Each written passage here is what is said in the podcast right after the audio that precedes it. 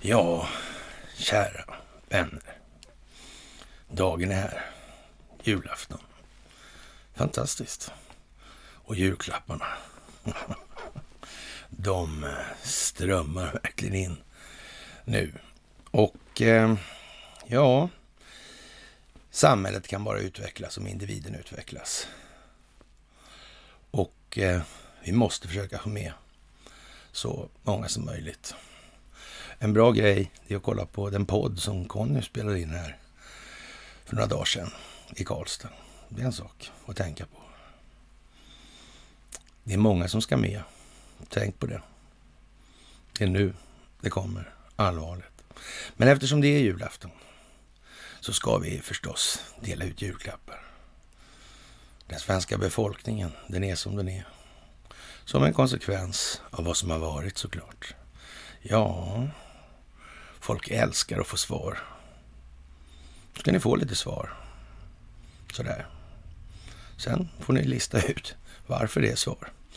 Jaha, vi kan säga så här. Tänk på att eh, avregistreringen av ICA på börsen har ett samhällsnyttosyfte. Det är bra att tänka på nu. Helt jävla säkert. En börs, det är en handelsplats där aktier finns registrerade. En slags registerhållning. Mm. Om någon eh, kontrollerar en sån här börs, eller vad vi ska kalla det för, och eh, dessutom styr telekominfrastrukturen så måste man vara ja, lite korkad helt enkelt. Om man, eller obetänksam kanske. Om man inte förstår då att det kommer skära sig emellan på varenda jävla transaktion.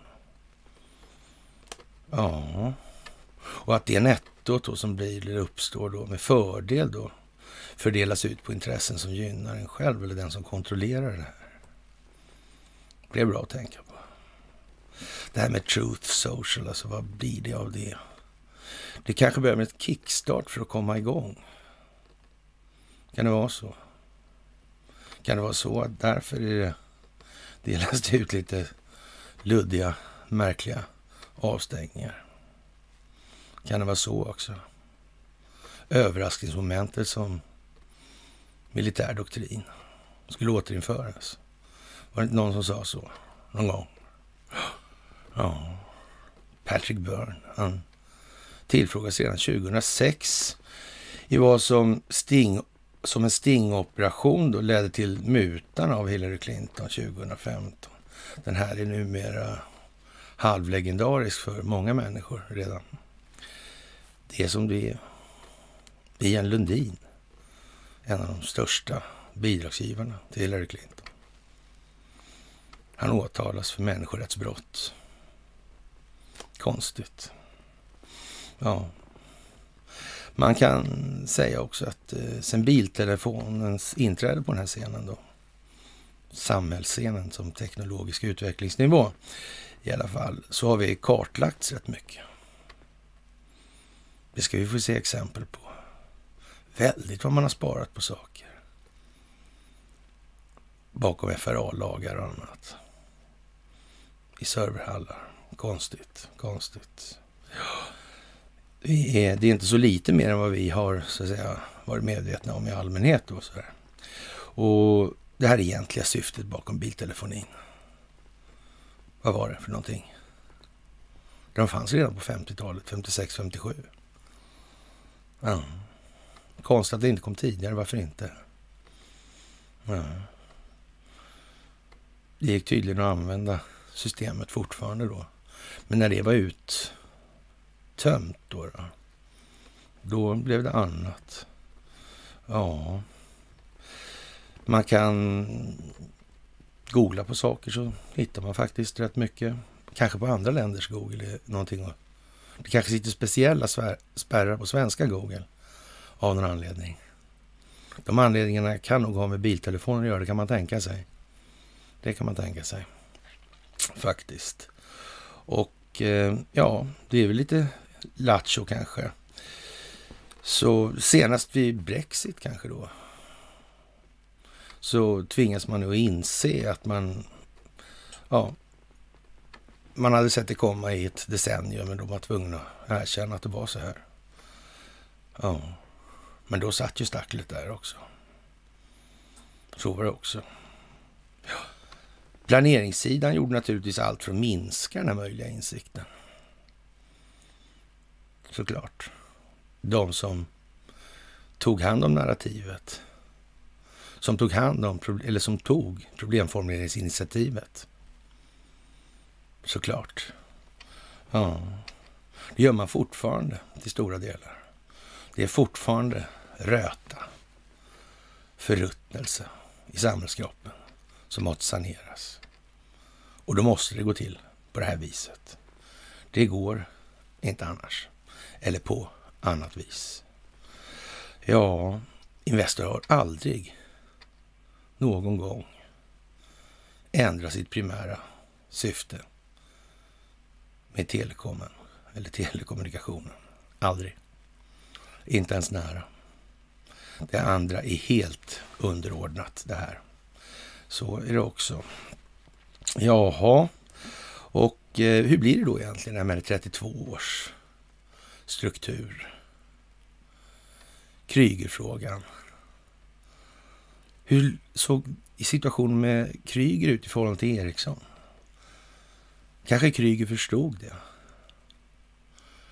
Att det inte räckte med att förklara det här med Kryger så skulle alla förstå allt. Det kan vi konstatera så här dags. Ja. Jag har julskämskudde på Nej, det har jag inte. Nej, nej, men ändå alltså.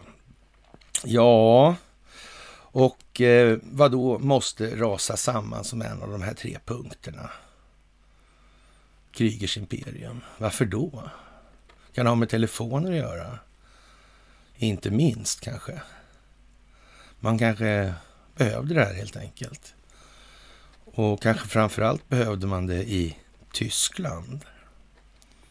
Mm. kan man tänka sig, ja. Det kan man tänka sig att det var så, för där var det ju folk som hette Gelen. Mm. Han som blev, eller var nazistisk underrättelsetjänstchef som sedermera blev västtysk efter en liten tur till USA där. Hur kan det där komma sig egentligen? Vi har tagit upp det på föreläsningarna. Ja, det kan man ju fråga sig. Det, ja, vad är konstigt det där överhuvudtaget med, med Kryger då och det här med världsekonomins återhämtning och ja, varför var konkursförvaltningen fransk för? Den gjordes i Frankrike den här konkursutredningen. De kunde ju inte ett ord svenska. Och de begrep sig inte så mycket på telefonen va? Frankrike fick sitt krigsskadestånd prioriterat av tyskarna. Ja, vem kontrollerade egentligen ekonomin i Tyskland? Han, var det de som reformerade banksystemet kanske? Det var det ju, precis. Och, och det var väl de som skötte förhandlingarna för svenskt vidkommande med Tyskland. Så vitt det är känt. Mm. Det drar ihop sig. Det drar ihop sig. Och eh, ja, vad ska man säga? Tyskarna, de hade inte så mycket att välja på helt enkelt. Och eh, ja, fransmännen lånade ut de här krigsskadestånden. Det kom att handla om gruvor i och med det. Det handlar om malmkvoter. Avtal som var skrivna långt före det här. På leveranser som man inte möjligtvis kunde uppnå nivåerna av. Konstigt, konstigt, konstigt. Ja. Det går en serie nu på tv. Det handlar om Gustav V. Det finns någon tid med. Mm. Det är ju lite speciellt kanske. Det hänger ihop. Det är samtidigt som Kryger det här. Lite grann. Det är samtida kan man säga. Mm. Konstigt, konstigt, konstigt. Och ja, vem hade de diplomatiska kontakterna med Tyskland som sagt Vem var det? Ja. Och vad sa han då, Notin, i den här serien? tror ni mina tentakler når till Gestapo? Ja, vi har i alla fall sagt att på föreläsningarna att det gjorde de definitivt. Och eh, ja, jag tror inte den här spelades in efter vi började med de här föreläsningarna i somras, tidig sommar där. Nej, det tror jag inte på. Ja, inte lite udda det här kanske. Och eh, ja, Gelen måste räddas. Visste Gelen något kanske? Kanske han gjorde, ja. Han fick bli expert på forna Sovjetunionen helt enkelt. Mm. Ja, ja, ja, ja, ja, ja. Kanske därför jag blev avstängd just på det temat med Anna Närbe och det här med att man ska tänka efter på vad det där är för någonting egentligen. Kan det vara så? Ja, det kan faktiskt vara så. Jaha, och eh, vi har en hel massa saker som bara väller in över oss nu. Och det kan man ju tycka är lite udda kanske, men eh, så här på julafton, att de inte stannar. Men det är ju som vanligt i Sverige då, det går ut på att hålla folk stilla nu så mycket det går. Det är kaos i tågtrafiken, det är elfel, stora störningar naturligtvis, som sig bör i den här tiden. Det är en enorm upptrappning nu i informationsflödet. Och som sagt, vi skriver den eh, 24 december 2021. Och då minsann, ja, då är det julafton och det är på en fredag. Och då har vi ett riktigt fredagsmys. Jaha, och eh, det kan man ju tycka är på sin plats i det här. Nu har jag tänt ljuset innan här för det blir lite rörigt här och flaxar runt eftersom vi har inte det normala möblemanget det har varit krav på en sån här fåtölj då, då. Men jag har inte tomteluvan heller på mig som jag lovade för den, ja, det blir för jävla varmt helt enkelt. Det får vara så kort sagt.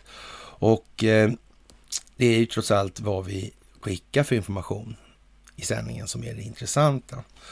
Och Ja, vi konstaterar då att de här techjättarna då som naturligtvis är jätterika och ligger registrerade på Nasdaq och har blivit jätterika av den anledningen som vi började med i det här. De tänker inte ställa upp på en stor teknikmässa längre, för det är så eländigt med den här nya omikronvarianten. Och ja, vi kommer fram till det här vidare återigen många gånger till och med. Och bland annat då Amazon, Meta, Twitter, Lenovo, AT&T, T-Mobile och eh, I hear the radio, eller I heard radio då. I heart radio kanske de uttalar det. Och det är ju lite sådär eh, pandemiskt nästan, va? kan man säga. Det är det. Och sen ska ni som alltid ha det största av takt. Och jag önskar er en så hjärtligt god jul. Och jag hoppas att allt fler kan glädjas åt de nyheter vi får till oss av våra stacklade ägardirektivstyrda opinionsbildningsmedier. Det är fantastiskt att se det här. Och som alltid ett stort tack för gåvor på Swish och Patreon. Och tack för att ni fördjupar er på karlnorberg.se och ett stort tack för att ni följer Telegramtjänsten. Det är otroligt roligt att se och nivån är fantastisk. Och som ni ser så rullar sidan på min Facebook-sida alldeles fantastiskt bra utan mig också. Och vem vet vad det här mynnar ut i? Vem vet? Kan det vara så att med tanke på hur länge man har registrerat de här biltelefonerna och man har kunnat följa då människor i storleksordningen, ja, ska vi säga slutet 80-talet, början 90-talet där då i ja, 30-tal år alltså.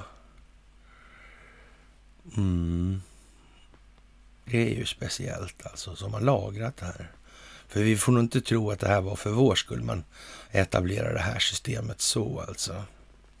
Nej, lite mer sinistert är det nog faktiskt, trots allt. Det tar emot och jag känner det. Men så är det. Ja, och eh, många känner att det här är jobbigt naturligtvis. Det är osäkert, de förstår inte, de har inte tillräcklig vidd på perspektiven. De är allt för svenskt programmerade, det blir allt för rakt, allt för kort och allt för enkelt. Och det är ju lite tråkigt, men vi måste göra vad vi kan för att hjälpa till i det här. För det är bara genom att individen utvecklas som samhället kan utvecklas. Så det är därför jag tar upp det här med Conny. Conny gör ett utmärkt pedagogiskt exempel i det här, sin buffliga göteborgska till trots alltså, när han då diskuterar med de här tre herrarna som är i tatueringsbranschen. Det är så det sedelärande exemplet går till alltså. Och eh, han är så tålmodig. Jaha, och eh, fler än 200 planerade flygningar har ställt in, ställts in på julafton i USA efter en ökad spridning av omikron, rapporterar amerikanska medier. Och eh, det är inte bara på SAS det blir lite stökigt här av sån anledning. Och vi får nog räkna med att vi får en liten frostig tid kanske i mörkret. Sådär, för det kan behövas. I vart fall får vi inte bortse ifrån att det kan bli så. Så är det också. Men vem vet? Kanske det här uh, mediaföretaget som ska lanseras har en roll i det här. Det beror nog lite på oss själva just nu. Så korta är nu planeringshorisonterna. Så långt fram är vi i det här. För det är ju sagt så någonstans att det gäller att ta ifrån motståndare signalmedlen. Utan kommunikation är motståndet alltid lättare att hantera. Och det handlar om opinionen. Det handlar om motståndets möjlighet att kommunicera för att skapa opinion. Där ligger kärnan i det här. Och där har den legat hela tiden. Och många glömmer bort det här och tycker att vi pratar hellre om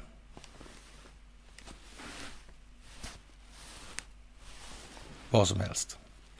Och det räcker inte någonstans.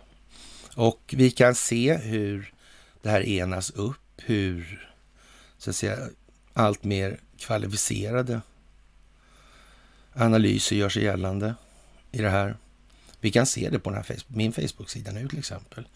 Hur nivån inte sjunker en millimeter egentligen. Visst en del, men i stora drag så är det väl långt fram. Det går hur lätt som helst av sig själv. Så är det. Och det är det som får fiskstimmet att simma framåt. Helt enkelt. Ledare skapar ledare. Det är ingenting annat. Utan ledare kommer vi ingen vart någonsin helt enkelt. Men ledarskap, det naturliga ledarskapet, det är inte diskriminerande. Aldrig. Det finns inget kvinnligt ledarskap. Det är per definition diskriminerande. Det finns bara ledarskap. Det har inte genus så. Tänk på det nu. Det är viktigt. Ja, vi har ju en del och sådana här, det är ju rätt roliga saker nu hela tiden och eh, ja, vad ska man säga? Man får väl eh, tycka vad man vill, men Turkiet fryser 770 konton som finansierar terror. Och eh, Niagara Foundation har kopplingen till Fethullah Gulen och vi har ju pratat en del om Fethullah Gulen genom åren skulle man kunna säga och hans förehavanden och hans vistelse i Langley till exempel. Han är nära anknuten till CIA och CIA var de som gjorde kuppen mot Recep Tayyip Erdogan. Recep Tayyip Erdogan han har helt klart för sig. Och, och dessutom har den djupa staten helt klart för sig att Recep Tayyip Erdogan har det klart för sig. Och då blir det här lite lustigt och då kan man säga att svenska politikers dans blir inte mindre komisk i det sammanhanget. Det är fantastiskt. Och det som är mest fantastiskt i allt det här, det är ni, helt enkelt, som har snappat, som har förstått att vad fan alltså. Vilken jävla skit. Och att, som jag då från början, tror att det går så jävla lätt, va? det kan man ju säga är en naiv och dålig sak i och för sig att tro för gott om andra, andra människor. Men det är lika väl nödvändigt faktiskt för att kunna komma framåt vidare och inte ge upp. Så är det också, så det blir lite av ett skydd på det viset. Mm. Å andra sidan så tvingas man då också att, att söka det bättre metodvalet hela tiden. Och då kommer vi framåt Hela, hela tiden. Och det här är ju den dagen på året kanske som de stora familjegrälen kommer dyka upp vid julbordet eller efter eller ikväll. Ha förtröstan. Ha förtröstan. Det kommer att bli bra. Och ni är så bra så att det kommer till och med att bli jättebra med allt det här. Ja, det var ett intressant år det där 2016. Och det är ju så att vi finns ju här för varandra i det här för att komplettera varandra i den meningen. Så. Och jag kan för eget vidkommande säga så här. Jag är rätt så säker på att jag har varit under uppsikt rätt så länge. Till och med betydligt längre än vad jag har varit politiskt intresserad. På det sätt jag är numera. Men det beror ju mest på att jag inte gillar den här typen av det de kallar för politik och så vidare. Det är liksom bara så. Jag gillar sakfrågor. Och är inte så intresserad av polarisering och partisering. Så. Ja. Jaha, och eh, det är ju lite roligt det här med julklapparna idag då som kommer och har kommit i natt och till Sverige kommer regna in här. Och en ny Rasmussen-undersökning visar att 79 procent av republikanerna och eh, 58 procent av de oanslutna väljarna och till och med 41 procent av demokraterna tror att det är ganska troligt att fusk påverkade valet 2020. Och, och det kan man ju säga bör, verkar ju vara rätt så stora siffror. Och det är kanske det som krävs. Det kanske inte hade varit någon bra idé att köra in militär där för första dagen eller sådär. Det hade kanske till och med varit möjligt då att få till rätt så avancerade revolutionära försök då det hade nog inte varit så. Och, och om samhället bara kan utvecklas, som individen utvecklas, då får man nästan säga och tillstå att det här var nog fan enda vägen. Va? Det var nog enda vägen. Det var inte så dåligt räknat. Okej, det är gny och gnäll. Man vill att det ska ha hänt igår och så vidare och så vidare. Och tålamodet. Ja, men man kan säga så här också. Många säger ju, eller skriver och tycker att det är, det är otroligt att jag pallar så här länge. Ja, men det blir lättare med tiden också. Och man förstår vikten av att utveckla sitt tålamod i det. Faktiskt. Att inte tro att man förstår allt hela tiden. Det är viktigt. Man måste kunna revidera sina uppfattningar som bygger på de egna känslogrunderna och värderingar. Man håller sig med alltså. Det är bara så. Och det tror jag många, många fler förstår nu än för bara en kort tid sedan. Det här går fort. Det går flytande. Det rullar dit det lutar helt enkelt. Jaha, och eh, man får nästan intrycket av att till exempel eh, ja, Ian Lundin sitter lite eh, trist till. Alltså, han, han var ju en av de största bidragsgivarna till Hillary Clinton och, och jag vet inte, skulle det kunna vara någonting som går igen här snart? Ja, det kan man ju undra. Och eh, det här med amerikanska valet har ju vi sagt kommer vara en springande punkt och, och, nu till jul så får vi naturligtvis se en massa sådana här speciella julklappar. Det är många frågor då, till exempel vad hände då i det här State Farm Arena i Fulton County i Georgia under valet 2020 då. Och det var en central då för behandling av röstsedlar i Fulton County. Och eh, ja, där enligt uppgift då alla 148 318 frånvarande poströster då skannades då. Och det var ju lite udda kanske då. Och det var ju faktiskt eh, de skannade med någon sån här fem stycken Canon DRG 2140 höghastighetsmaskiner. Och eh, det ser man på videos och såna här grejer. Och det ja, bilden av varje valsedel ska, sparades samtidigt då och eh, ja, det här blev lite tokigt alltså. Det verkar ha varit en setup helt enkelt det också.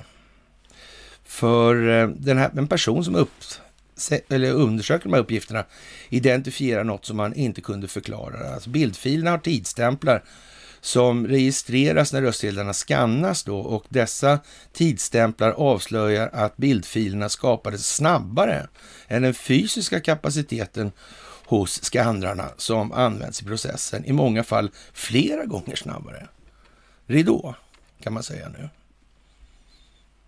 Nu kan man säga att det piggar på, det blir en jul att minnas. Inte minst för de som har gjort de här jävla dumheterna alltså. Så är det ju. Det är ju liksom så. Om Patrick Byrne höll på då, och de, han var ju liksom, kom ju in i någonting då, de här sju senatorerna till exempel. Som var, gav honom de här fribreven. Han fick inte döda någon alltså, men i övrigt var det väl bara att köra då. Jaha. Med full täckning från senator. Ja. Mm. Det har planerats länge. Det har planerats länge. Men det har varit nödvändigt att mörka. Det här måste ske koordinerat med alla geopolitiska aktörer av någon som helst signifikans. Så det blir väldigt, väldigt viktigt att det här håller tätt. Så. Och det är klart att ur det perspektivet så får man ju förstå då att det kan ibland bli lite, ja, vad ska vi säga, 20 i fyra mungiper på sådana människor om någon håller på och sitter och springer och vimsar runt lite godtyckligt enligt deras förmenande. Men sanningen är väl kanske den också att, eh, som sagt, vi har ett speciellt läge. Och, och, vi är inte ett skit intresserade av att bli runtkörda i någon jävla eh, intellektuell permobil. Va? Utan vi tänker nog fan stå upp för första gången i den svenska historien. Stå upp för oss själva och vårt land i det här och vår befolkning. Det är inte mer än så. Vi tänker inte ha liksom, ja, bli koloni här åt något annat. Alltså så är det bara. Vi om några vet hur illa det kan gå. Vi har sett det. Och vi har varit emot det. Vi har med fan hållit på att motarbeta det här tillräckligt länge. Det var inte ett ljud om de här sakerna vi pratade om i USA när vi började prata om det. Inte en jävla chans. Och de har fan inte kommit fram till skuldmättnaden än, så tack för det liksom. Sen må ju vi haft centralbank några veckor mer än vad de har haft och, som säger, och, och Stockholms byråkrati också för all del. Och så vidare. Det här är som det är. Och det kommer att bli bra. Jaha, och eh, Ann Linde alltså. Det här är ju fantastiskt. Ann Linde, ja, det är omöjligt att vi slutar handla med Kina. Och, och det får man ju säga låter ju lite konstigt det här. Man ska utöva sanktioner å ena sidan och å andra sidan då så Ja, vi måste fortsätta att handla. Eh, det är för, förmodligen så att det är två parter i det här alltså. Det är förmodligen så. Och, och med det sagt då så får man nästan anta att det måste vara någon form av behandling som båda parter accepterar. Annars kommer handeln att upphöra. Så är det. Mm. Och det må ju vara så att, det här är en lång artikel och den ligger upplagd på min Facebook-sida och den kommer att ligga, ligga på bloggen då naturligtvis också. Men eh, ja, vad ska vi säga? Man trodde nog från den djupa statens sida här i Sverige då att man befann sig någon annanstans än där man befann sig. Eftersom man fortsatte med de här grejerna i Kina. Och dessutom är det ju som man tar ju naturligtvis på det här stacklet på Investor så tidigt som möjligt. Och då ingår naturligtvis i det lilla avtalet att ah, det här med lösmynthet, det kommer vi inte uppskatta så där in i helvete eller över övan. Det kommer vi inte att göra. Så lös, lösmynthet kommer inte premieras alltså.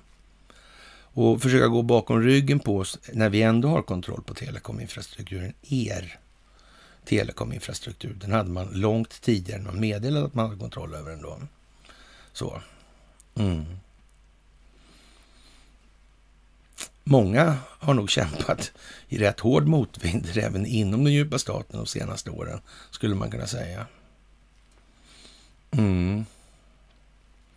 Det är som det är, kort sagt, och det är ju bra.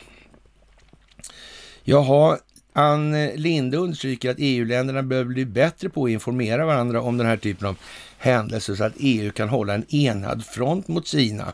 Och, och det kan man naturligtvis, eh, ja, Kina uppskatta otroligt. De kommer tycka det är jättebra, naturligtvis. Att Ann Linde skulle få säga vad hon vill nu för tiden. Nej, så är det ju såklart inte. Och eh, ja, vad ska man säga? Det har ju att göra med de här konstnärerna och Humin Guy då och, och de här. Och han, han hänger ihop med Fredrik Reinfeldt och, och så vidare. Men det kommer vi tillbaka till också. Och ja, vad ska vi säga? Det är många som trodde det här skulle bli något annat helt enkelt. Och det har man ju hela tiden varit meningen då. Det måste ju spelas på det viset också för att vidga exponeringen. Ja, men tar man, hade man tagit Hillary Clinton och avrättat henne från början. Mm. Hade det inte blivit så lyckat, nej. Man kan säga så här, det hade blivit exponeringsbegränsande om inte annat.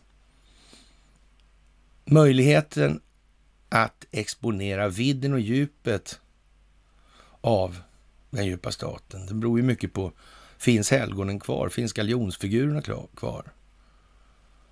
Ja, när plockar man bort en massa sådana, då kommer ju folk bli idiotiskt misstänksamma alltså. Det kommer bli värsta pundarstilen på dem alltså. Mm.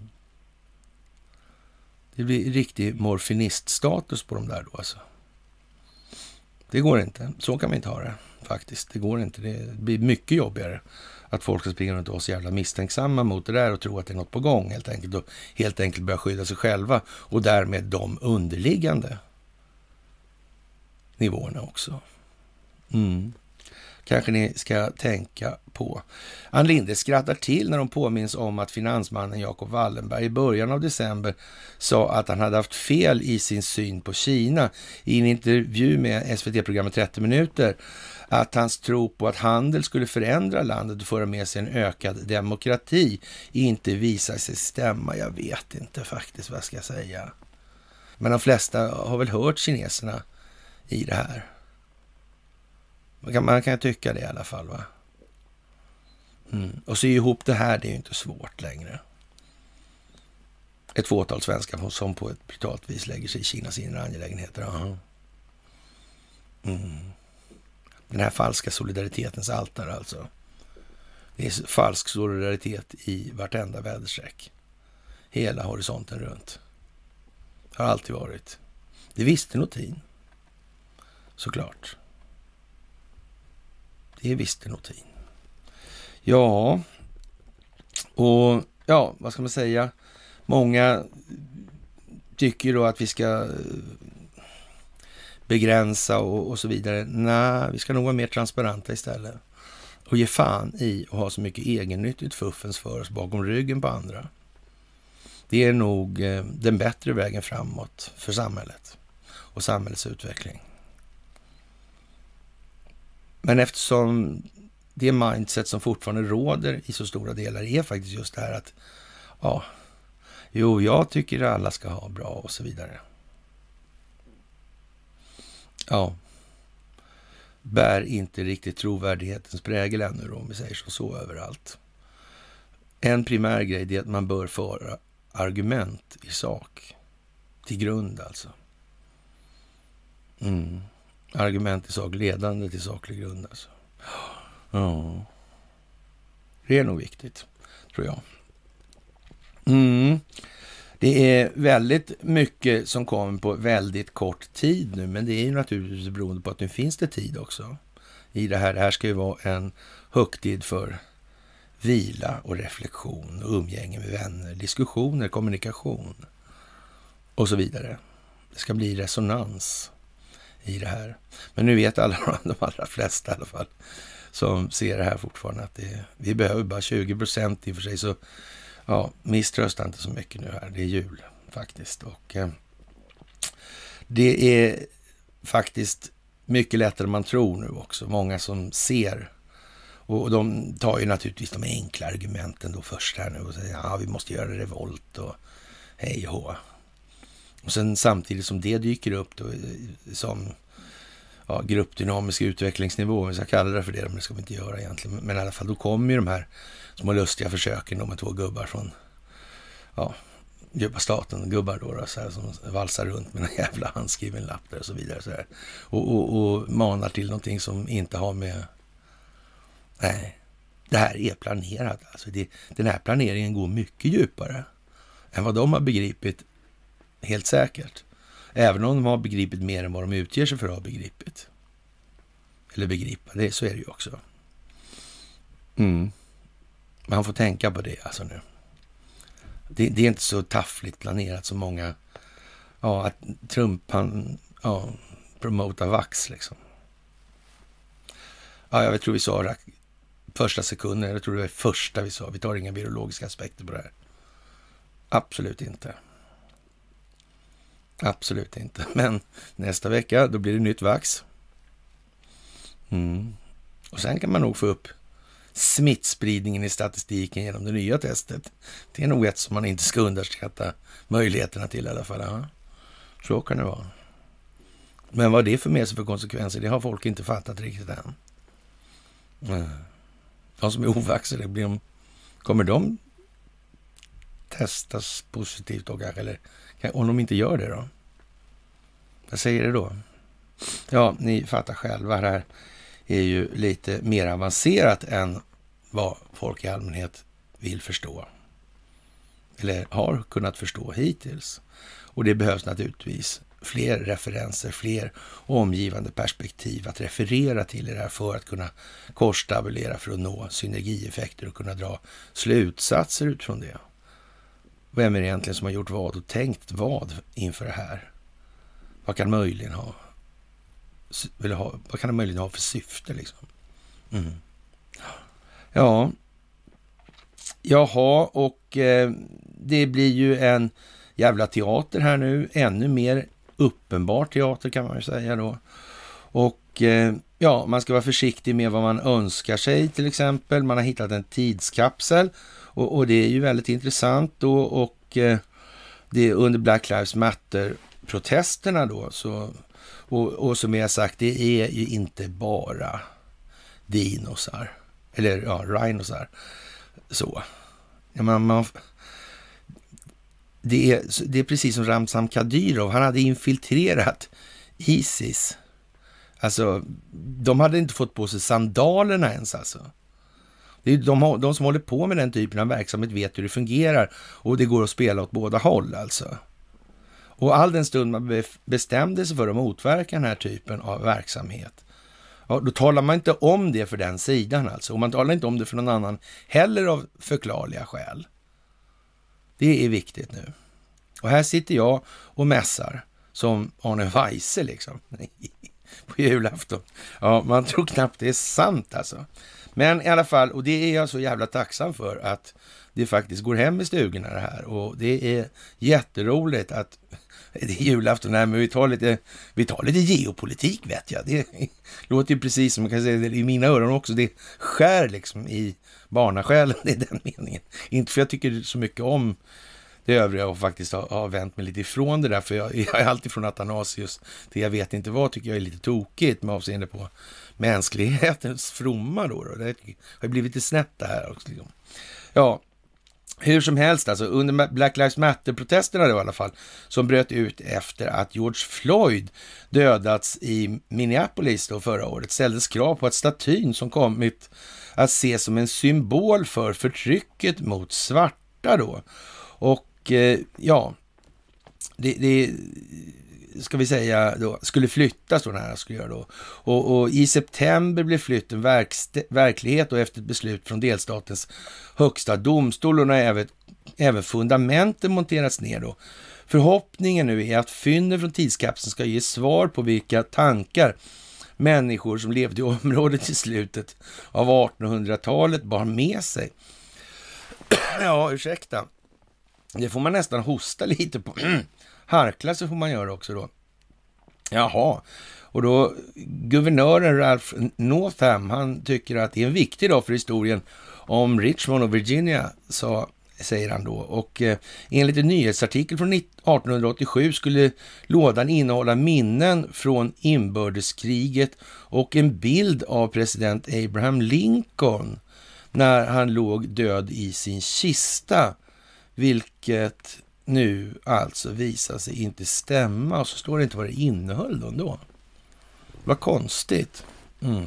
Hur var det egentligen med Lincoln? Var det inte någonting med någon båt också där? Mm. Det hette någon, ja, hur det nu var. Ja, vi kommer tillbaka till den där namnet på den där båten i och för sig då, men i ett annat sammanhang.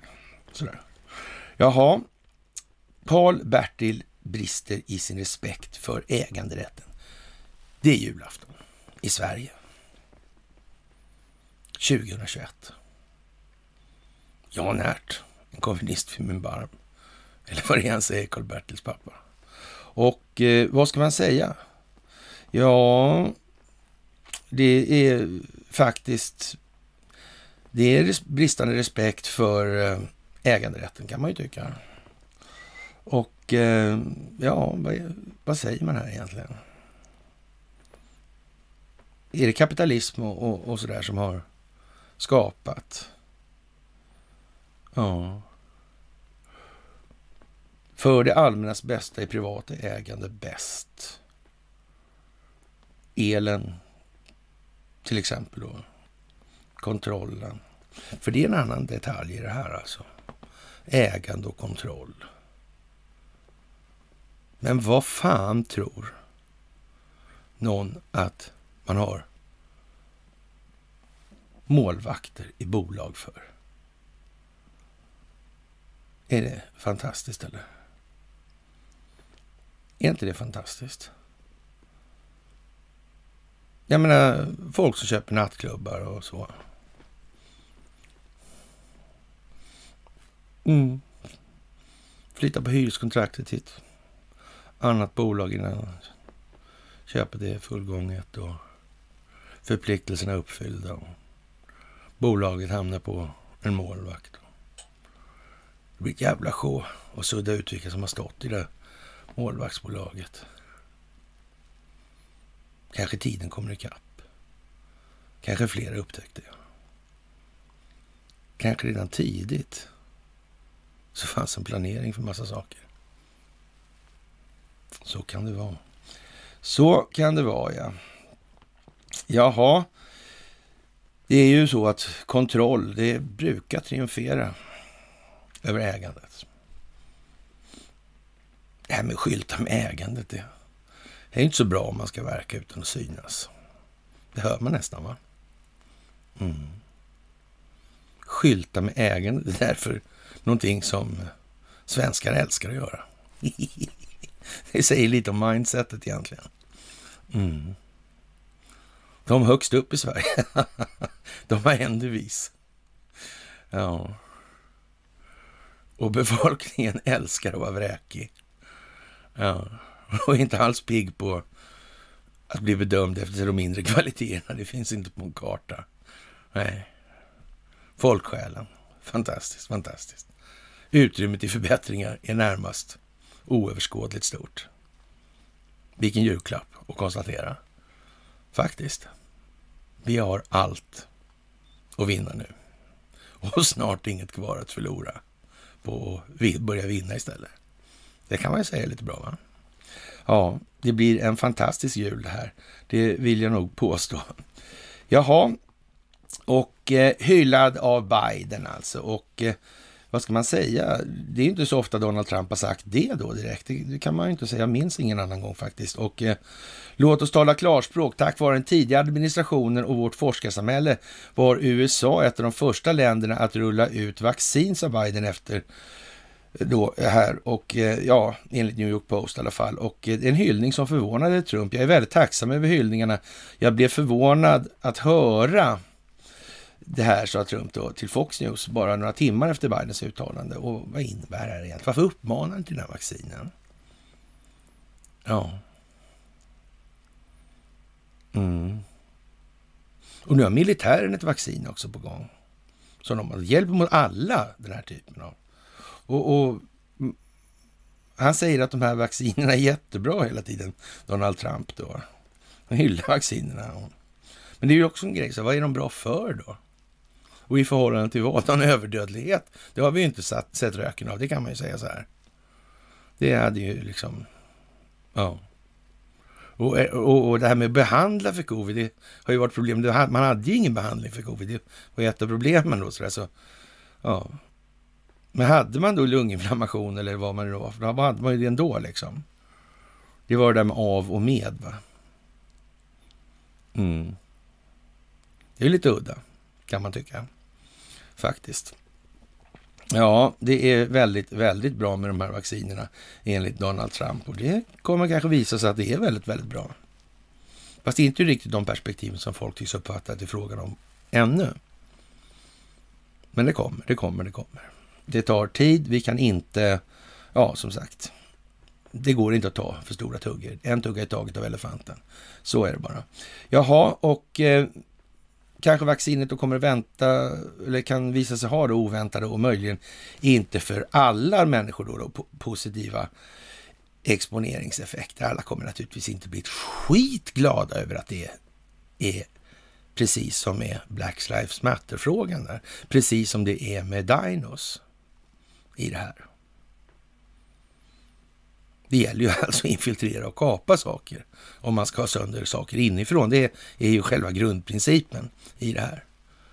Och, och såg man det här komma för jättelänge sedan när de här patenten söktes och, och, och varför sökte man egentligen patent på det här? Jo, man vill naturligtvis inte att det ska komma någon jävel då och sätta käppar i hjulen för, på det här. Alltså det var ju, då funkar det ju inte. Så. Utan det måste ju sätta ett immaterialrättsligt, immaterialrättsligt lås på det här. I den meningen. Och då kan man ju tycka någonstans så här, men i helvete, det finns fan en och annan jurist alltså. Läkarna har snart gått ut genom dörren helt totalt alltså. Med avseende på hur de har uppfört sig i det här. Det här med läkareden alltså. Jag vet inte riktigt hur man ska hantera det där. Det är alltså inga större moralfilosofer vi pratar om alltså. Läkemedelsindustrin är vad den är. Donald Trump sa en gång att eh, det finns ingen advokat som säger nej till pengar och berömmelse. Det vill säga, det är en moralfilosofisk pygmé som inkarneras i den titeln alltså. Det låter ju jävligt speciellt. Jag tror Ingmar Bergman var på det också. I Sommarnattens leende med Eva Dahlbeck. Jag tror det var så. Jag tror greve Malcolm sa någonting om advokaten Egermans moraliska vandel och handel.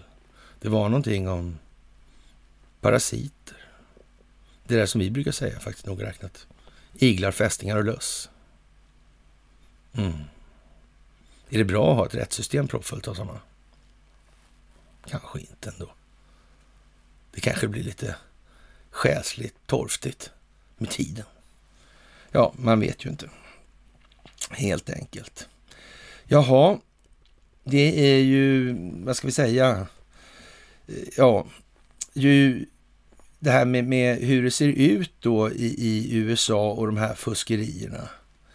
Det kommer naturligtvis när det börjar komma sådana där eh, ganska flagrant, eller mer flagranta saker, att eh, de här är registrerade snabbare än vad den fysiska och praktiska verkligheten gör möjligt. Då, då är det ju naturligtvis otroligt, de här tidsstämplarna. Alltså.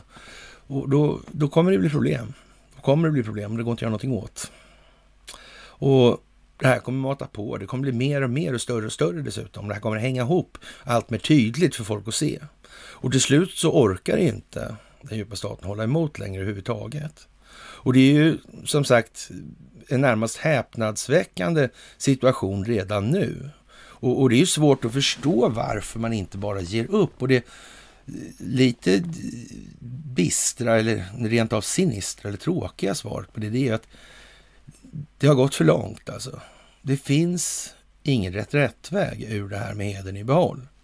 Och all heder faktiskt åt det här med Greta och det trodde man ju inte jag skulle säga men idé alltså. Den här är ju orkestrerad den här grejen med Greta.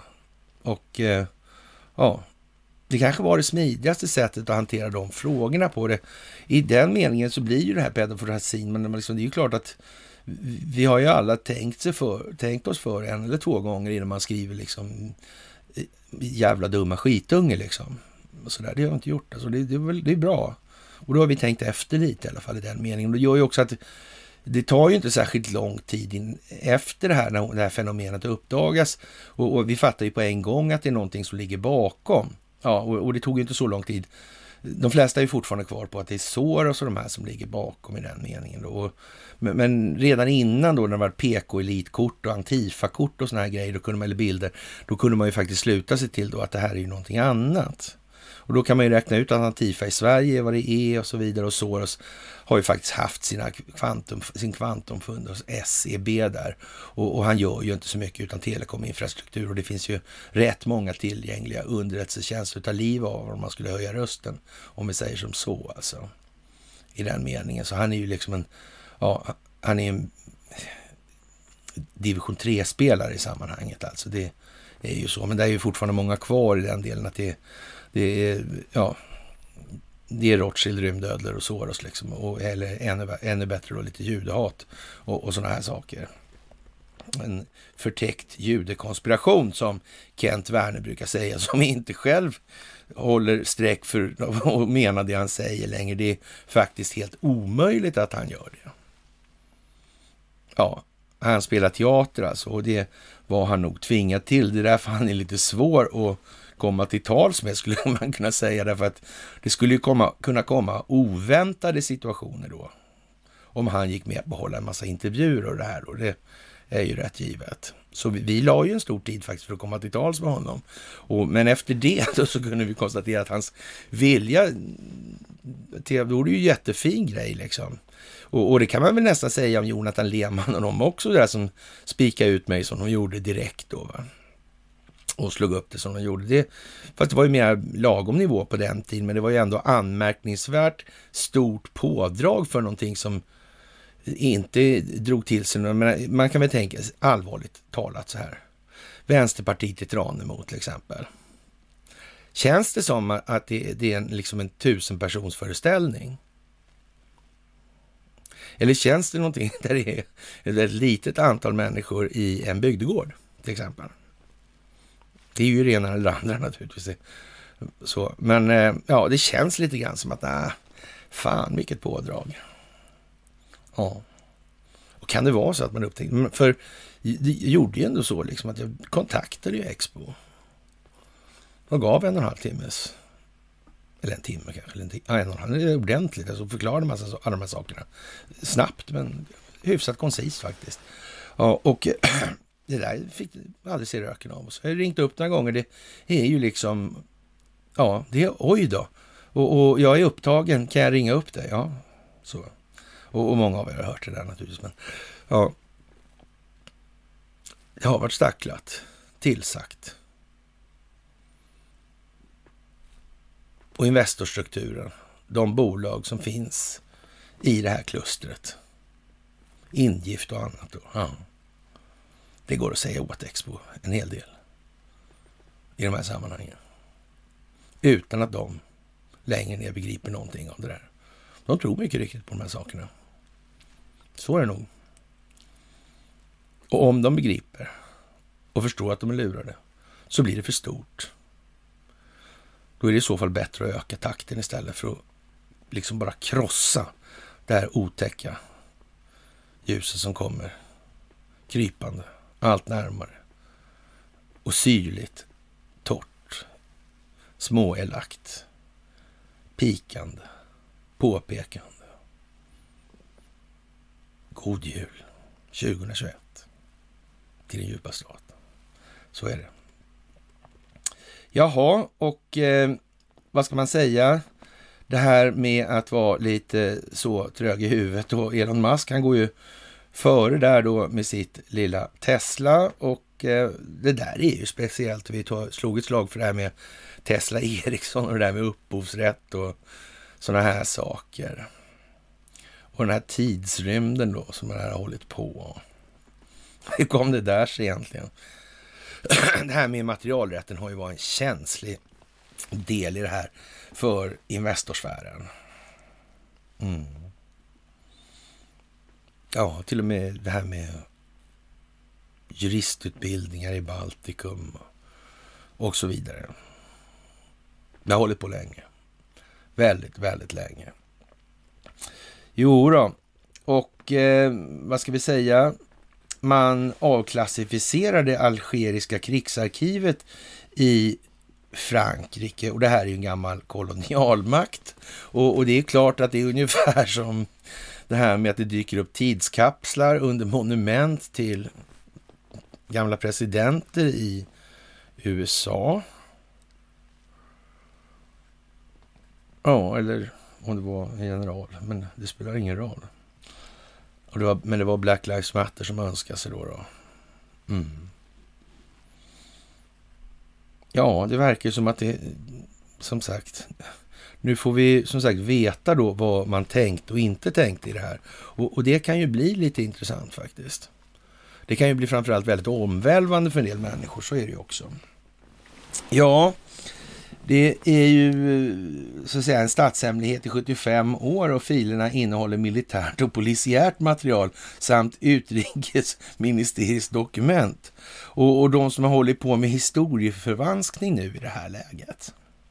Och vi tänker ju genast, men det där med Libyen förresten, alltså, var inte det liksom, kändes inte det lite skyndsamt det här med att Sverige skulle sköta eldledningen för det här? Var det något speciellt som man hade bedömt skulle förstöras? Kanske det var några sådana här gamla arkiv innehållande, jag vet inte vad. Och, och, vi kan ju tänka sig att den här eh, i Libyen, den här och ja, Misurata och det här då. Och det fanns ju faktiskt en volp i de Misurata där som faktiskt, eh, vänta här nu, han tillsatte väl ändå Benito Mussolini va? Och Benito Mussolini, han tillsattes under den period då Ericsson fanns på plats. De firade ju hundra år, sen sa de, när de hade, det finns ju fortfarande på, ja vad ska vi säga, på hovets hemsida och i Svensk Damtidning och så när de gjorde det här, det gjorde de alltså 2018, men det här, ja, flyttar de på sen då på något vis. Ja, de var kanske inte, de firade där, men de var inte där menar de då, eller? Ja, hur som helst, 22 tillsattes Mussolini och då i alla fall var Ericsson på plats. Punkt slut. Och de hade telefoner. Ja, där. Ja. Och det fanns avlyssningsmöjligheter eftersom det alltid har varit det primära, eller primära syftet för Ericsson i den meningen. Att bygga in bakdörrar. Och det här är alltså ungefär samtidigt som, eh, ja, vad ska vi säga, det fanns en kryptograf också sådär någonstans. Det var det tiden och de här och så vidare. Kan ha funnits sånt här också. Nu kan det vara inblandad i det här rent utav. Tänk om det i libyska arkiv fanns sånt. Kanske det finns kvar till och med. Kanske någon har lagt rabarber på det där. Kanske det är så att det här algeriska krigsarkivet blir som ett sånt här äh, dörrhandfönster. Det öppnas upp lite.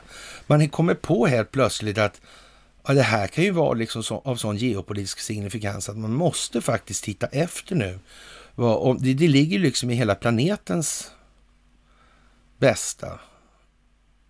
Eller för hela planetens bästa att man faktiskt ställer det här på. För är det de här sakerna då i ett sånt här arkiv då som är fel? Nu såg vi till exempel det här att ja, det var ju inte riktigt det som angavs som fanns i den här tidskapseln. Och samtidigt kommer det då andra tidskapslar fast i en annan form då de här algeriska krigsarkiven.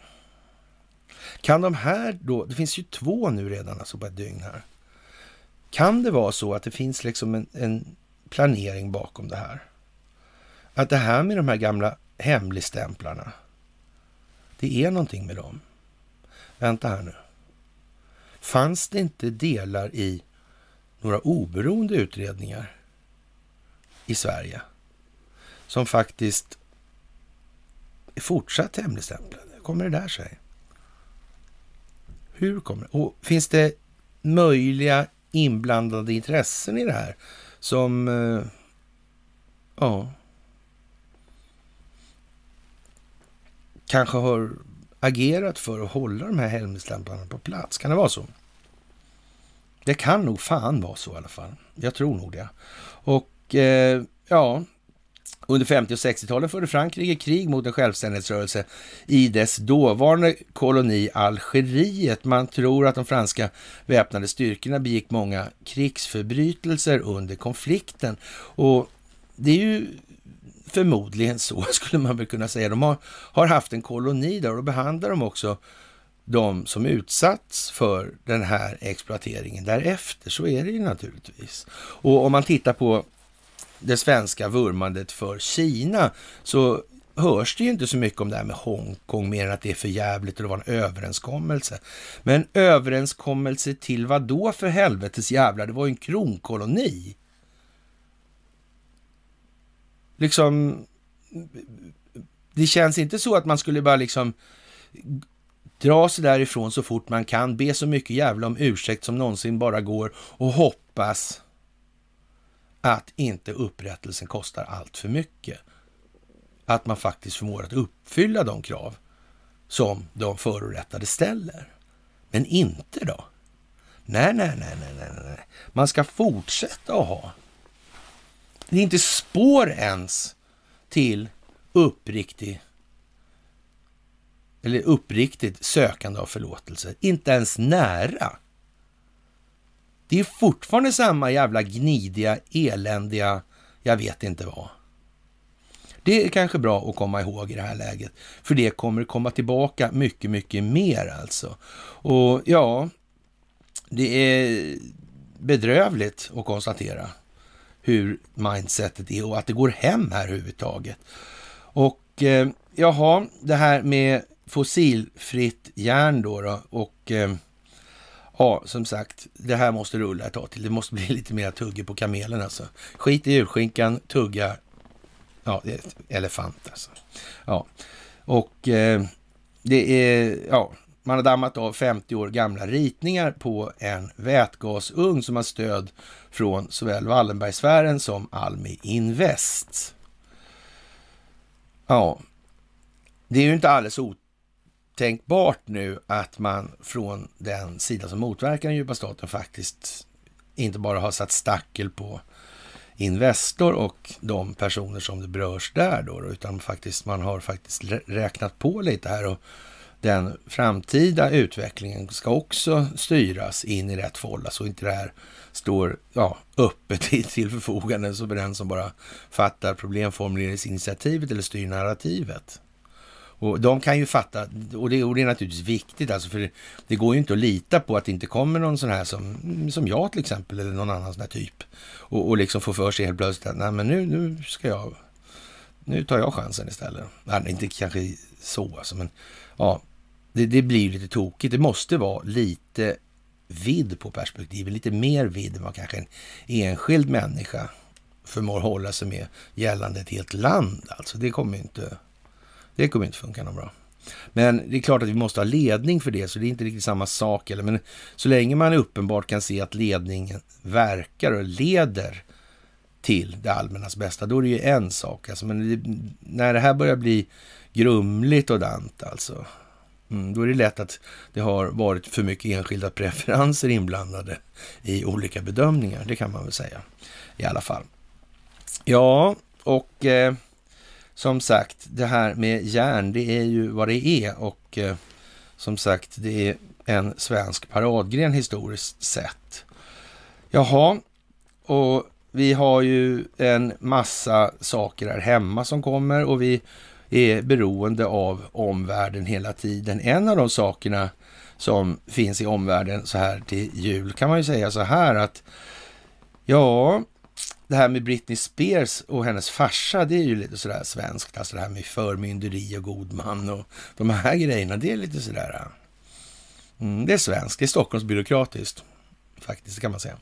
Och eh, ja, det här med, tänk om det här är satt i system på något vis, eller det finns fler, liksom, att det här är någonting som har använts då i olika sammanhang. Mm. Det, det, är lite lustigt, är det inte det? Ja, och det, det, kan ju vara liksom någonting som man behöver ett anslag till exempel så här med Britney Spears i det här. För de som motverkar den djupa staten alltså.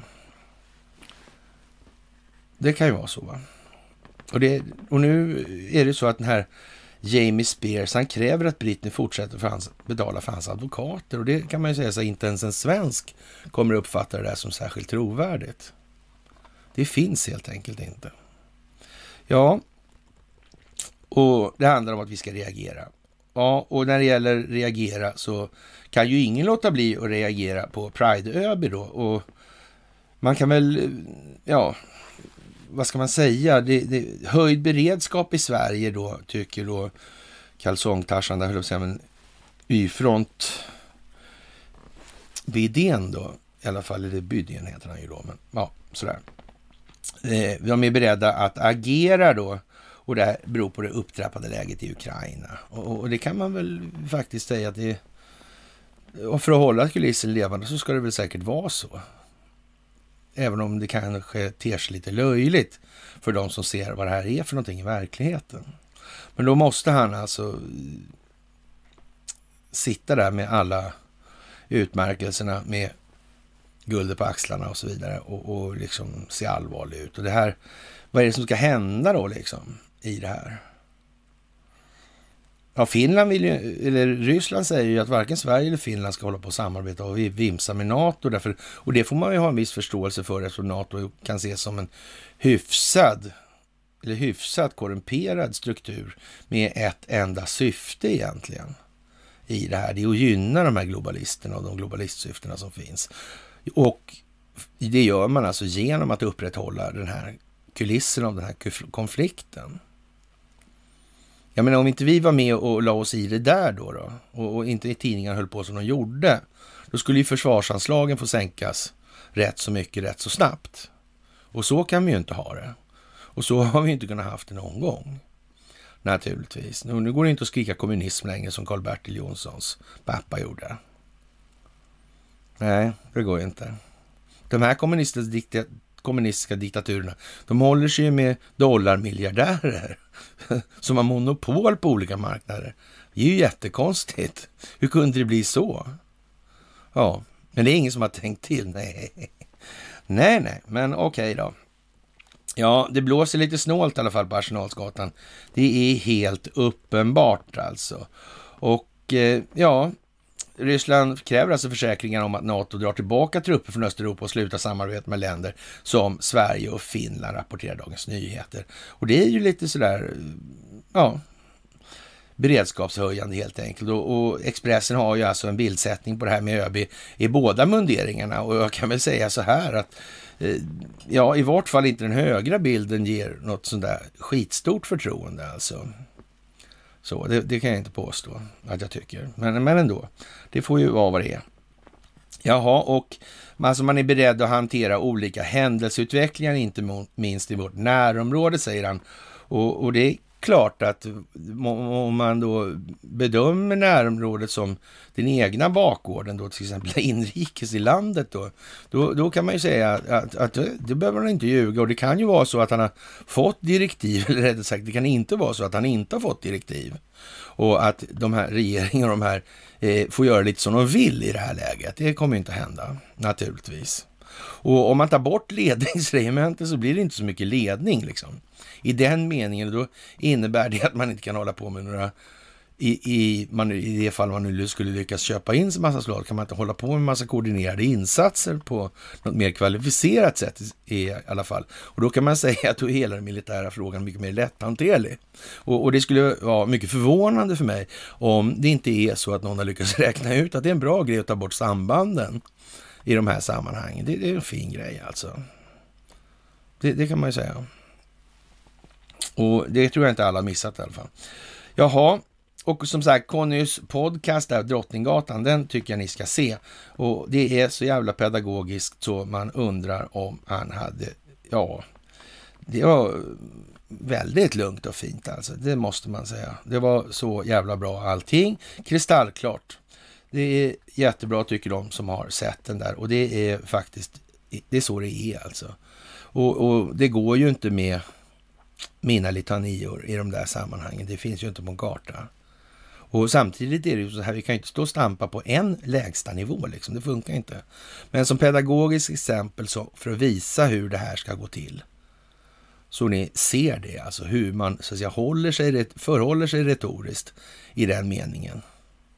Man kan inte göra som jag, om jag ska gå, gå vara spontan då, eller nu är det kanske inte så, men det har ju definitivt varit så, och tror då liksom att ja, men jag drar liksom lite om, om exponentialfunktioner, jag tar lite om derivathandeln, jag tar om skuggbanksystemet, jag berättar om Ivar Kryger och den som inte fattar något då, han är dum i huvudet liksom. Ja, det vart inte så bra liksom, jag får sänka lite. Så får man sänka på där helt enkelt till man kommer någon vart och börja dra med sig folk istället. Och sen får man få dem då att i sin tur dra med sig folk på det här sättet. Till slut har man lyckats vända på hela den här vågrörelsen, eller pendeln. Då börjar den gå åt andra hållet. Det har den gjort nu. Och nu är vi så att säga på den nivån där det här perfekta exemplet på hur pedagogiken ska gå till. Det var väl det där kanske en miss var med, med det här med att eh, den som kontrollerar börserna naturligtvis. Hur blir de där så rika undrar de här killarna liksom lite grann så där. Då kunde man ju ha sagt då att de är ju faktiskt de här Nasdaq registrerade bolagen är ju faktiskt inte så där jättesvårt att göra så rika om man så att säga kontrollerar handel, handelsplatsen och telekominfrastruktur. Man hinner ju lägga köp och säljordrar emellan hela tiden i det här. Så. Men i övrigt är det ju helt perfekt i så lång tid som det är. Det är ju timtal, det är två timmar det där. Mycket, mycket bra helt enkelt. Ett bäst, det bästa exemplet som finns hur man borde hantera det här från början egentligen. Och det är, ja, det är vad det ska nu helt enkelt. Nu kommer den tiden och ni ska ta till er av den här typen av pedagogik. När ni, det är jättemycket lättare om ni firar jul med den typen av... Och, och där, där, kan man säga så där ligger Conny lite i överkant alltså. Så. Och, och det kanske inte är säkert att det tonläget, liksom de Eh, syrligheterna och, och, så kanske inte går hem. Det här är ju en rätt grabbig miljö så där, så det kanske man inte ska ha med mormor och såna här grejer. Det kanske blir ett missförstånd då. Så det kanske man ska låta bli. Men, men alltså, om man säger så här, stämningsläget då. Försök håll det där. Det blir ju hjärtligt men lite rått kanske. Så. Men förhållandevis enkelt då, även om de då tycker det är tämligen komplicerat. Men nu är det en gång så. Vi har det vi har. Och vi har gjort det vi har gjort och vi är där vi är av en anledning och det är vi och hur vi har varit tillsammans. Så. Och så måste man tänka i den meningen. Jaha, och eh, ja, det är ju som sagt, det är ju många som känner sig kallade, men få är ju ändå utvalda då i det här och eh, en del har ju då idéer om att vi startar nya partier och såna här grejer. Och som sagt, eh, ja, jag vet inte riktigt hur de har tänkt där med de här systemen och valfusken. Och ska vi rösta utan att ändra på systemen kanske? Eller hur är det där egentligen? Och om alla ska rösta, ska alla ska rösta på allting? Och vem ska bestämma vad vi ska rösta på? Och, eller ska man bara sitta och tycka till och sådär lite hur som helst? Hur är det här egentligen? Vem är det som bestämmer? Vem är det som har problemformuleringsinitiativet? Ska vi rösta om det också? Ska vi rösta om vilka som är mest lämpliga att rösta för att bestämma vilket problemformuleringsinitiativ vi ska hålla oss med. Och så vidare. Hur ska vi veta att det blir rättvist i det här? Och det finns liksom rätt många sätt att se på det här som man ganska så snabbt eller så, som ganska snabbt gör att man kommer fram till att jag vet inte om det där är så bra. Alltså jag tror vi börjar i individen istället. Det är nog mer effektivt alltså. Och när vi har kommit tillräckligt långt och tillräckligt många får, eller har tillräcklig förståelse i alla fall, och, och vi märker att det här är en utvecklingsriktning och en rörelse som faktiskt går dithän som den ska och måste gå, ja, då kan vi ju så att säga börja ta tag i själva problemformulering, eller så att säga initiativet i det här. Så jag börjar med att tänka sig vad som är lämpligt och då kan man ju säga, är problemet att det är enskilt kontrollerade räntebelastade skulder som utgör ja, betalningsmedlet, ja då är det ju så, då kanske man inte ska ha sådana då, alltså det blir det korta och enkla svaret. Inte börja liksom, man får ta det i små steg alltså. Och då men de här människorna som i, i så mått då är mest intresserade av sin egen materiella situation, de har en ganska så kraftig övervikt åt att vilja ha en lösning och den lösningen, det är ovillkorligen så att de vill ha den lösningen för att kunna motarbeta den.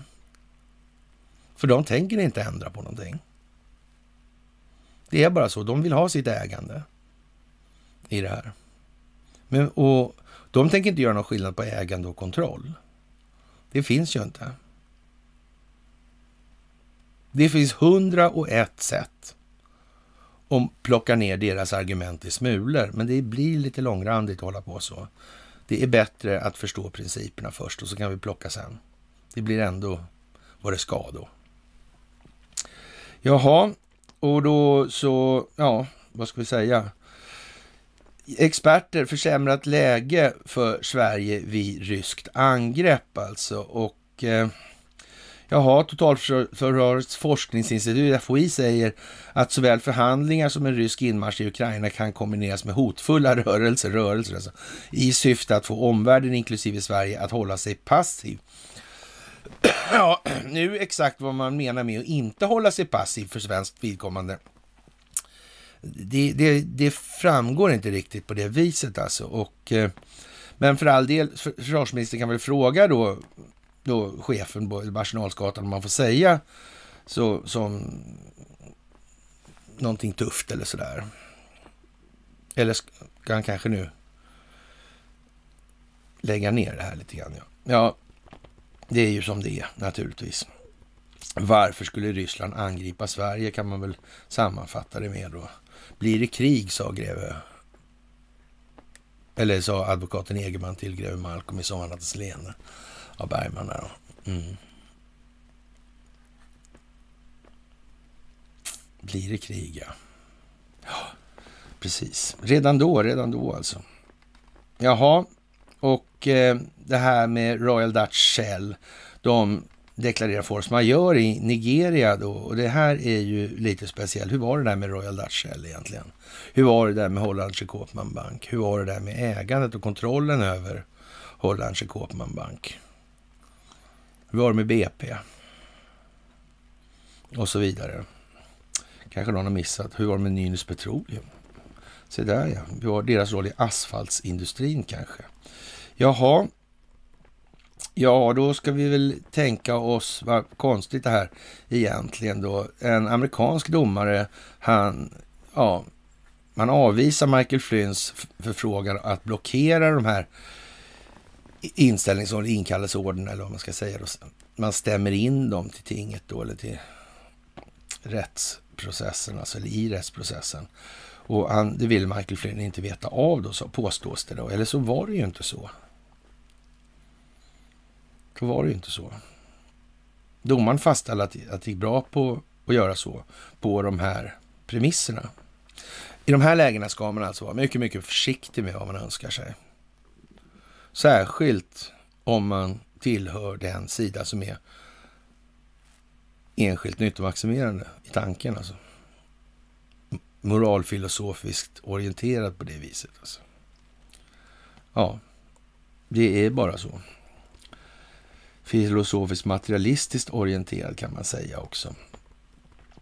Jaha, och eh, vad ska man säga? Det, det här lite halvtråkigt då med olika länders historia och för svenskt vidkommande. Det kommer ju bli en hel del att ta i. Det måste vi ha klart för oss i det här läget nu. Det finns inga möjligheter till något annat helt enkelt. Och eh, det är dags för pivoarian att komma upp, alltså gamla restjugoslavien. Det kommer att springa mycket saker där ur i det här nu som kommer. Och vi vet väl vem som har varit då särskild fredsmäklare. Det är bara det liksom. Ja, god jul säger vi till Carl Bildt helt enkelt. Och eh, Putin säger att väst kan dra åt skogen med sin oro för Ukraina och som särskild hedersambassadör eller särskilt ombud eller så. Då måste Carl Bildt bli glad över det här. Tillsammans med Göran Persson och Jan Eliasson. Men det var inte planerat. Inte alls. Inte alls. Och, och när man till och med från ukrainsk sida försöker utse Carl Bildt till eh, premiärminister, då så. Då får vi väl säga att då är väl manegen hyfsat krattad i alla fall på insidan. Och på tal om Poroshenko då, alltså han är då uppkallad eller in, ska inställa sig för ett förräderimål. Det tyckte han var ett då, en dålig grej, så han valde då liksom att det här med mutor, pengatvätt och korruption och så vidare, det, det, det är liksom ingenting sådär alltså. Och, och fanns det någon Swedbank förresten där i, vid den tiden i faggorna där? Kan det här ha någonting med varandra att göra? Inte det, nej. nej. nej men då, då är det ju så alltså. Vi, vi får ju veta, eller tänka oss att våra kära folkvalda vill vårt bästa främst och inte något annat då. Ja, och eh, en kraftig influensaökning, fler fall än på fyra år då har det kommit vanlig influensa då. Det är ju lite märkligt kanske, eller så är det inte så märkligt. Och på tal då om de här gubbarna i de här sammanhangen då, och de här moderna kärnkraftverken så har vi ju sett då att det har skett lite konstiga saker genom åren. Där det finns ju något sånt här litet, eh, vad ska vi säga, lite, lite annorlunda byggnad, Marviken på Vikbolandet. Men det blev aldrig riktigt av alltså på något vis. Det driftsattes aldrig. Och, och det kan man ju säga eh, att just den regionen i det här landet kan man ju säga inte bestå av de så att säga minst besuttna människorna. Så är det. Och vem vet hur det där egentligen ser ut bakom? Stjernqvist vet du i alla fall. Spelar en roll i sammanhanget. Och Reidar gör nog det också. Karin Jonsson också, det tror jag. Hur blev det här egentligen? Mm. Nu finns det en Niklas Adler inblandad i de där sammanhangen i alla fall. Han doktor i företagsekonomi från Handelshögskolan i Stockholm. Ja. Mm. Han har hållit på en del i de här sammanhangen. Han kanske känner Fredrik Reinfeldt. Kanske, till exempel. Ja, det där kommer också mer av vad det lider.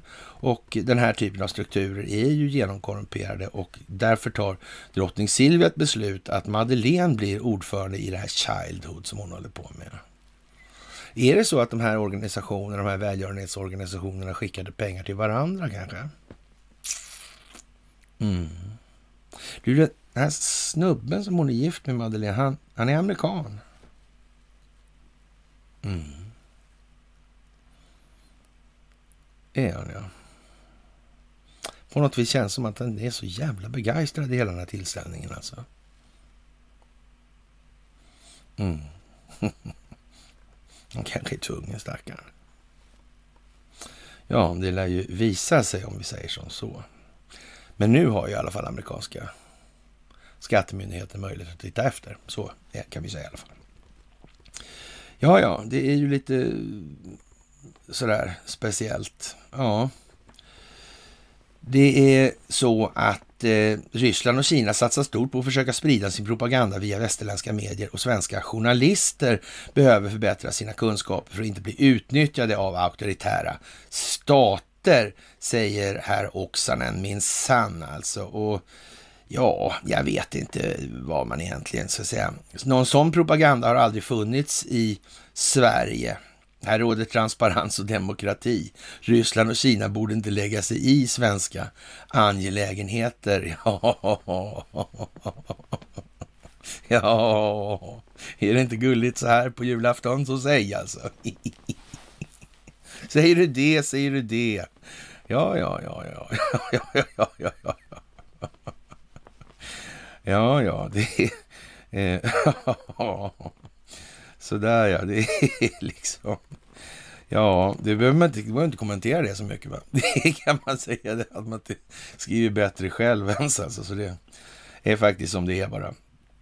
Jaha, och eh, ja, det är full i på Nya Zeeland var ju en gammal kronkoloni, så det går ju lite hårdhänt till där så att säga. Det är mer påtagligt och handfast de här olika åtgärderna hit och dit.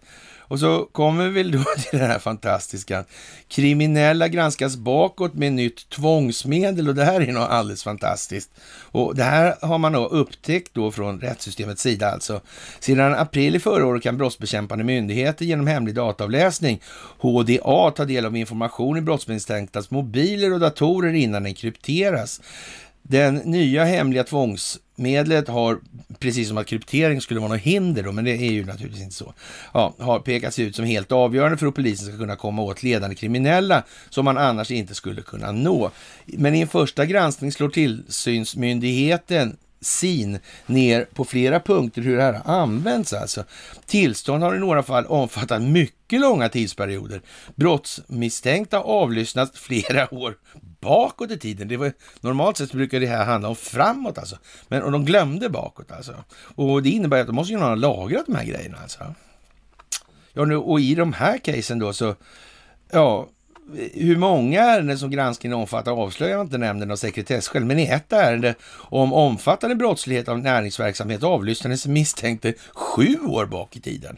Ja, och kan man ju säga så här, har man inte fattat då vad biltelefonin var till för i de här sammanhangen, ja, då får man fundera en stund till helt enkelt. Då blir julen lite mindre god alltså. Men om man förstår det här nu, så ser man varför FRA-lagen kom till överhuvudtaget i det här. Och var har de här lagrat? Hur vad har lagrats var och så vidare i det här? Ja, och sju år kan man titta bakom alltså. Jaha, vad fint. Vad gosigt. På hur många då? då? Är det kanske så att det nästan är allting, eller? Mm. Kanske det, kanske. Kanske det, kanske.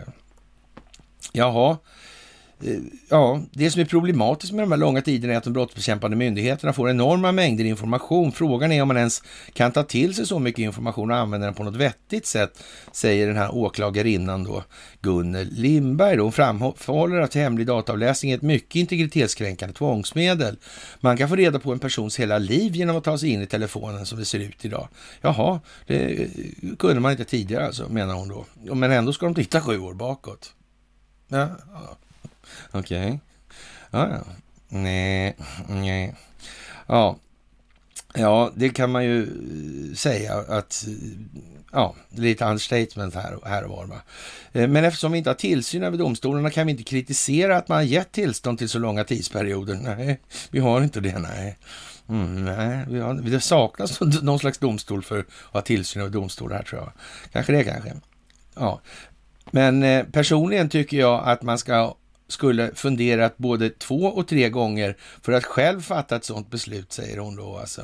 Ingen har nog tänkt i de här banorna när lagen stiftades tänka sig att det är nog just det som har varit fallet alltså. Någon har tänkt i de här banorna när den här lagen stiftades. Det är så jävla enkelt alltså. Och att man skulle kunna hämta in så mycket gammal information, eh, nej, varför skulle någon tänka på det? Eller hur? Det är ju inte till allas bästa. Nej, men ja, det kan vara så ändå. Man kan misstänka det lite grann. Och, och, det kan man ju tycka är lite komiskt att hon säger som hon gör ändå. Då. Och eh, vi har ju lite julmys här idag. Det har ni kanske redan upptäckt nu och eh, det är ju väldigt mysigt allt det här. Och eh, vad ska vi säga? Man eh, börjar från Moskvas sida eh, fråga hur man skulle ställa sig till att man ställde ryska missiler då, kort och medelstans och så här, på gränsen mellan Kanada och USA eller, eller Mexiko och USA. Hur skulle man reagera på det från amerikansk sida? Skulle det vara okej okay, på något vis? Ja, det kan man ju fråga sig. Och eh, som sagt, Ian Lundin åtalas och det är väl rätt så givet att det här kommer att falla tillbaka på en hel del andra människor alltså. Och eh, ja, som sagt, det här med Patrick Byrne, Hillary Clinton, Hillary Clinton, Ian Lundin. Ja, och så resten av etablissemanget som varit inblandat i det här. Det här kommer att bli en riktigt fin soppa för svenskt vidkommande. Tror ingenting annat. Men det är lite coolt att det blir exakt som vi har beskrivit att det måste bli här. Och eh, ja, som sagt, man kan ju undra hur fan det här kunde bli så här. Jaha, och eh, vi ska tacka för alla julhälsningarna också ska vi göra i det här och eh, det är ju som det är helt enkelt. Sen dyker det upp något jättekonstigt. Dansk kvinna misstänkt för penningtvätt på över 30 miljarder kronor. Knappt något alls alltså. Jättelite. Ja. Men, men man har inte spart på det här på något vis då? Det har man inte gjort. Och det här, själva att man gör den här fantastiska upptäckten nu, så där, man upptäckte inte det här innan då, alltså. Det, det kom nu. Mm. Ja. 30 miljarder kronor då. Och Danske Banks estländska filial. Eh, Danske Bank är alltså en del av Svenska Riks. Mm. Det kan man ju tänka på. Danske Bank utreds i ett flertal länder efter att mer än 200 miljarder euro skickats genom bankens filial under perioden 2007 till 2015. Alltså storleksordningen 2000 miljarder kronor. Och med tanke på att SEC kan utfärda belopp på tio gånger tvätthärvan så kan det bli tjurigt med betalningarna helt enkelt. Det kan man ju säga. Halvdassigt läge. Eller så. Ja, men trevligt. Det tycker vi i alla fall. Och eh, ja, som sagt, det är nog inte planerat det minsta i det här. Men det är många som är undrande i den meningen. Och därför är den här filmen som Conny gör, det där klippet som Conny gör, så bra. Och själv är jag inte riktigt... Jag har... Ja, jag kan ha tålamod med barn i sådär, alltså, men, men alltså, hårt formaterade vuxna är...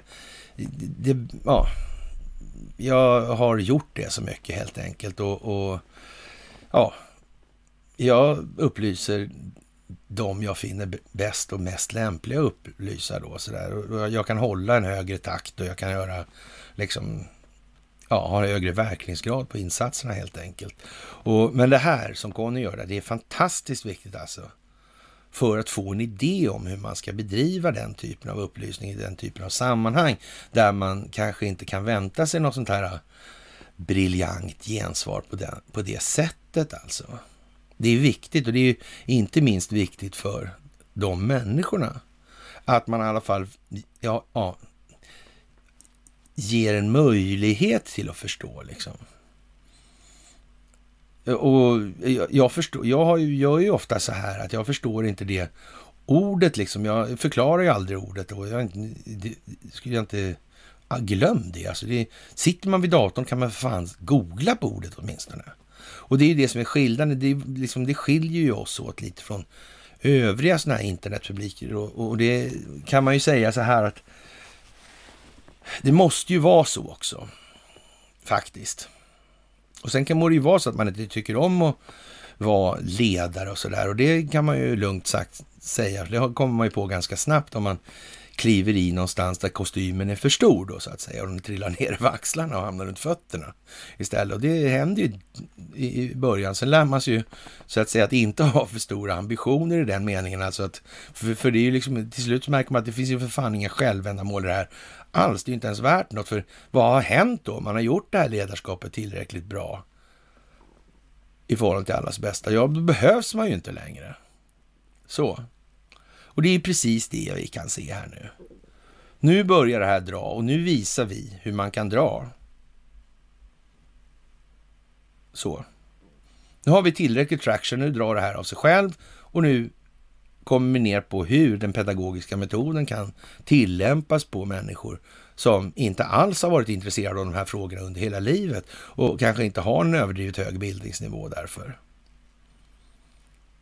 Det är lite av poängen. Det är lite julklappen i det här helt enkelt. Jaha, två nämndemän stod bakom uppmärksammad dom då i Solna tingsrätt. De lämnade sina uppdrag. Och ja, vi kommer ju få se en hel del avhopp i de här sammanhangen. Ja, i, i Amerika såväl som här skulle jag säga då. Och det, det, ligger liksom i sakens natur. Och de som kan stryka flagg och dra nu utan att få några påföljder, de kommer ju göra det i en väldigt stor omfattning. Så, eller en allt mer växande omfattning så att säga. Medan de som känner sig tvingade att vara kvar kommer naturligtvis kämpa med näbbar och klor, så är det också. Ja, och eh, ja, västledarna, de ser ju Rysslands krav som oacceptabla i frågan om det här med Ukraina. Och ja, Vladimir Putin han hävdar att väst reagerar positivt, i vart fall USA då. Och det är klart att om Joe Biden går med på något sånt här nu, ja, då kommer ju vända hök i Washington och kräva hans huvud på ett fat. Ja, och vem skulle... Det är ju någon vars huvud måste hamna på ett fat som ska göra det här. Det går ju liksom inte att göra på något annat vis. Om det ska bli så alltså. Och att det verkar bli här nu så, ja det ska man inte underskatta möjligheten att för att ha, ja det har ju faktiskt planerats på det här viset. Det är ju så. Jaha, Belgien stänger alla sina kärnreaktorer till 2025 då. Och de kanske ska ha väderkvarnar då, man vet ju inte. Och eh, ja, det är ju lite, ja så, så här, en del av en uppgörelse mellan koalitionsregeringen som inkluderar en satsning på miljoner euro som investeras i små modulära reaktorer istället. Jaha, så det var inte så liksom. Ja. Det här byter man snabbt alltså. Men våra då, går inte de att byta snabbt? Och vad beror det på? Beror det på att radioaktiviteten är så farlig på det här avfallet som man ska använda i de små modulära alltså? Eller vad beror det här på? Mm. Vad månde bliva, som man så vackert kan säga i det fallet. Jaha, en grupp demokratiska politiker anförda av senatorerna Amy Klobuchar och Jack Reed kräver i ett brev till Metas VD Mark Zuckerberg att han besvarar frågorna kring vilka åtgärder Facebook vidtog för att stoppa desinformationen under tiden strax före stormningen av eh, Kapitolium. Alltså Demokraterna vill veta det här. Mm. Det kan ju vara så att några demokrater faktiskt vill ha kvar det demokratiska partiet och faktiskt tänker anpassa sig till verkligheten. Vi ska inte utgå ifrån att alla kommer hålla på Hillary Clinton ända in i graven, alltså ända ner i graven. Det ska vi nog inte räkna med, nej. Nej. Och, och det är klart att nu är väl, om Ann Linde är som det beskrivs i artikeln i Svenska Dagbladet som vi nämnde tidigt här, så är det ju klart att hon är väl lättad nu då. då. Det är ju liksom över på något vis ändå. Och det här schackpartiet är slut. Det är bara liksom... Ja, det är bara några enklare pjäsförflyttningar kvar alltså. Och båda parter vet vad det här är egentligen. Jaha, och eh, det är som sagt, det handlar om energi, det handlar om gasförsörjningen och eh, då blir det naturligtvis ovanliga utsvängar till havs och då kommer ju de här flytande gasbåtarna då från USA till Sverige som Donald Trump tyckte var meningen med alltihopa. Men ja, det var meningen fast på ett annat sätt då att det skulle bli så här just nu. Mm. Och eh, ja, det handlar om att motverka den djupa staten helt enkelt. Och Sverigeambassadören som inte företräder talibanerna utan är ambassadör ändå, trots att det är talibanerna som styr i Afghanistan och att svenskarna då beter sig som de gör då och godtar det här överhuvudtaget. Eh, det säger väl kanske vad det säger. Eller rätt sagt, det säger i alla fall ingenting annat. Så. Är, ja, vad ska man säga? Det handlar väl om seriositeten på statsförvaltningen egentligen. Det är ju jätteseriöst. Ja. Vi ska ha förhandlingar med och vi ska skicka bistånd till talibanerna och Afghanistan. Aha. Men vi har en ambassadör här som säger att han varken tänker prata eller lyssna eller kont ha kontakt med talibanerna. Ja. Vad har vi honom här för då? Smuggla grejer med diplomat. Måste det knark eller? Ja. Man måste ställa frågan i alla fall. Jaha, det är ju lite sådär. Och eh, vad ska vi säga? Julen är här. Och Boris Johnson, han kliar sig i huvudet för sin teatral, teatraliska ådras skull då. Och vi önskar Boris Johnson en riktigt god jul. Han är för rolig med sina utspel helt enkelt. Och eh, man är från andra sidan då, eller från djupa statens sida försöker man då, nu, nu, nu ska han bort, alltså nu ska han bort, okej. Okay. Ja, och om han skulle gå bort, då är det meningen att det ska vara så.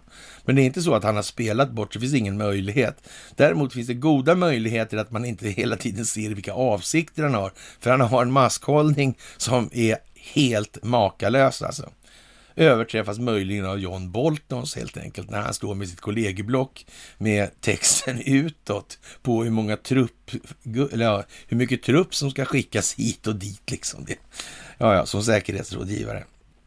Jaha, och eh, ja, många svenskar börjar ju bli, bli mer entusiastiska till det här med kärnkraft när priset på el går upp och som sagt, man får ta det via plånboken, fast än är vi inte där på långa vägar alltså. Så, ja. Och eh, ja, det är mycket som är på gång helt enkelt. Och eh, jaha, i Österrike så har man då motsvarande då, ja, Bounty Hunters då, alltså man, folk som ska liksom, delgivningsmän helt enkelt, som ska sköta indrivning och sådana här grejer på folk som bryter mot de här eh, covid-reglerna och inte vill ta den här injektionen då så här. Och det kan man ju lattjo Alltså man kan tycka det är jättekonstigt. I Österrike av alla jävla ställen. I Linz också ovanpå allting. Jag menar, har inte Österrike tillräckligt med fascistiska exempel från Linz? E, eller? Nazismen var en fascism. Det var bolag som bestämde över en stat och hade satt dit en marionett. Precis som i Italien. Med Volpe di Mussolata och Mussolini och, och de bakomliggande krafterna bakom Volpi där. Då. Ja. Kan det vara så att det måste spelas på det här viset för att de ska fatta någonting någon gång? Det är ju liksom Adolf Hitler och Linz. Det klarar nästan allihopa av att googla. Det är bara så. Det går inte att missa. Och Iggy Farbens roll för Hitlers framväxt. Det går inte heller att missa. Hitlers roll för att få till stånd det andra världskriget går inte heller att missa. Det är bara så. Det går inte att missa. Jaha, och eh, ja, det är ju eh, typiskt svenskt då. Uppsala universitet biomedicinskt centrum de håller på med sextrakasserier så mycket där så nu stänger man hela institutionen. Och då undrar ju vän av ordning naturligtvis, hur länge har det här hållit på egentligen? Har det ens någonsin varit på något annat sätt? Är det svenskt? En svensk jul? En svensk jul? Är det det här vad folkhemmet består av? Egentligen? Är det liksom den falska solidaritetens altare? Är det det här landet i sig? Det finns inte så mycket som pekar på annat. Nej, vi har ju Mello. Vi har ju hockey. Vi är ju bra i skidskytte och bandy. Stora världssporter och så vidare i de här sammanhangen. Fotbollen gills ju inte för det är ingen som vet hur det egentligen ser ut. Någonsin ens. Det förekommer fotbollsliggning ända ner i division 5 i Sverige, säger engelsmännen. Sverige är värst, det går inte att göra någonting åt. Stockholmsbyråkratin har förstört allting.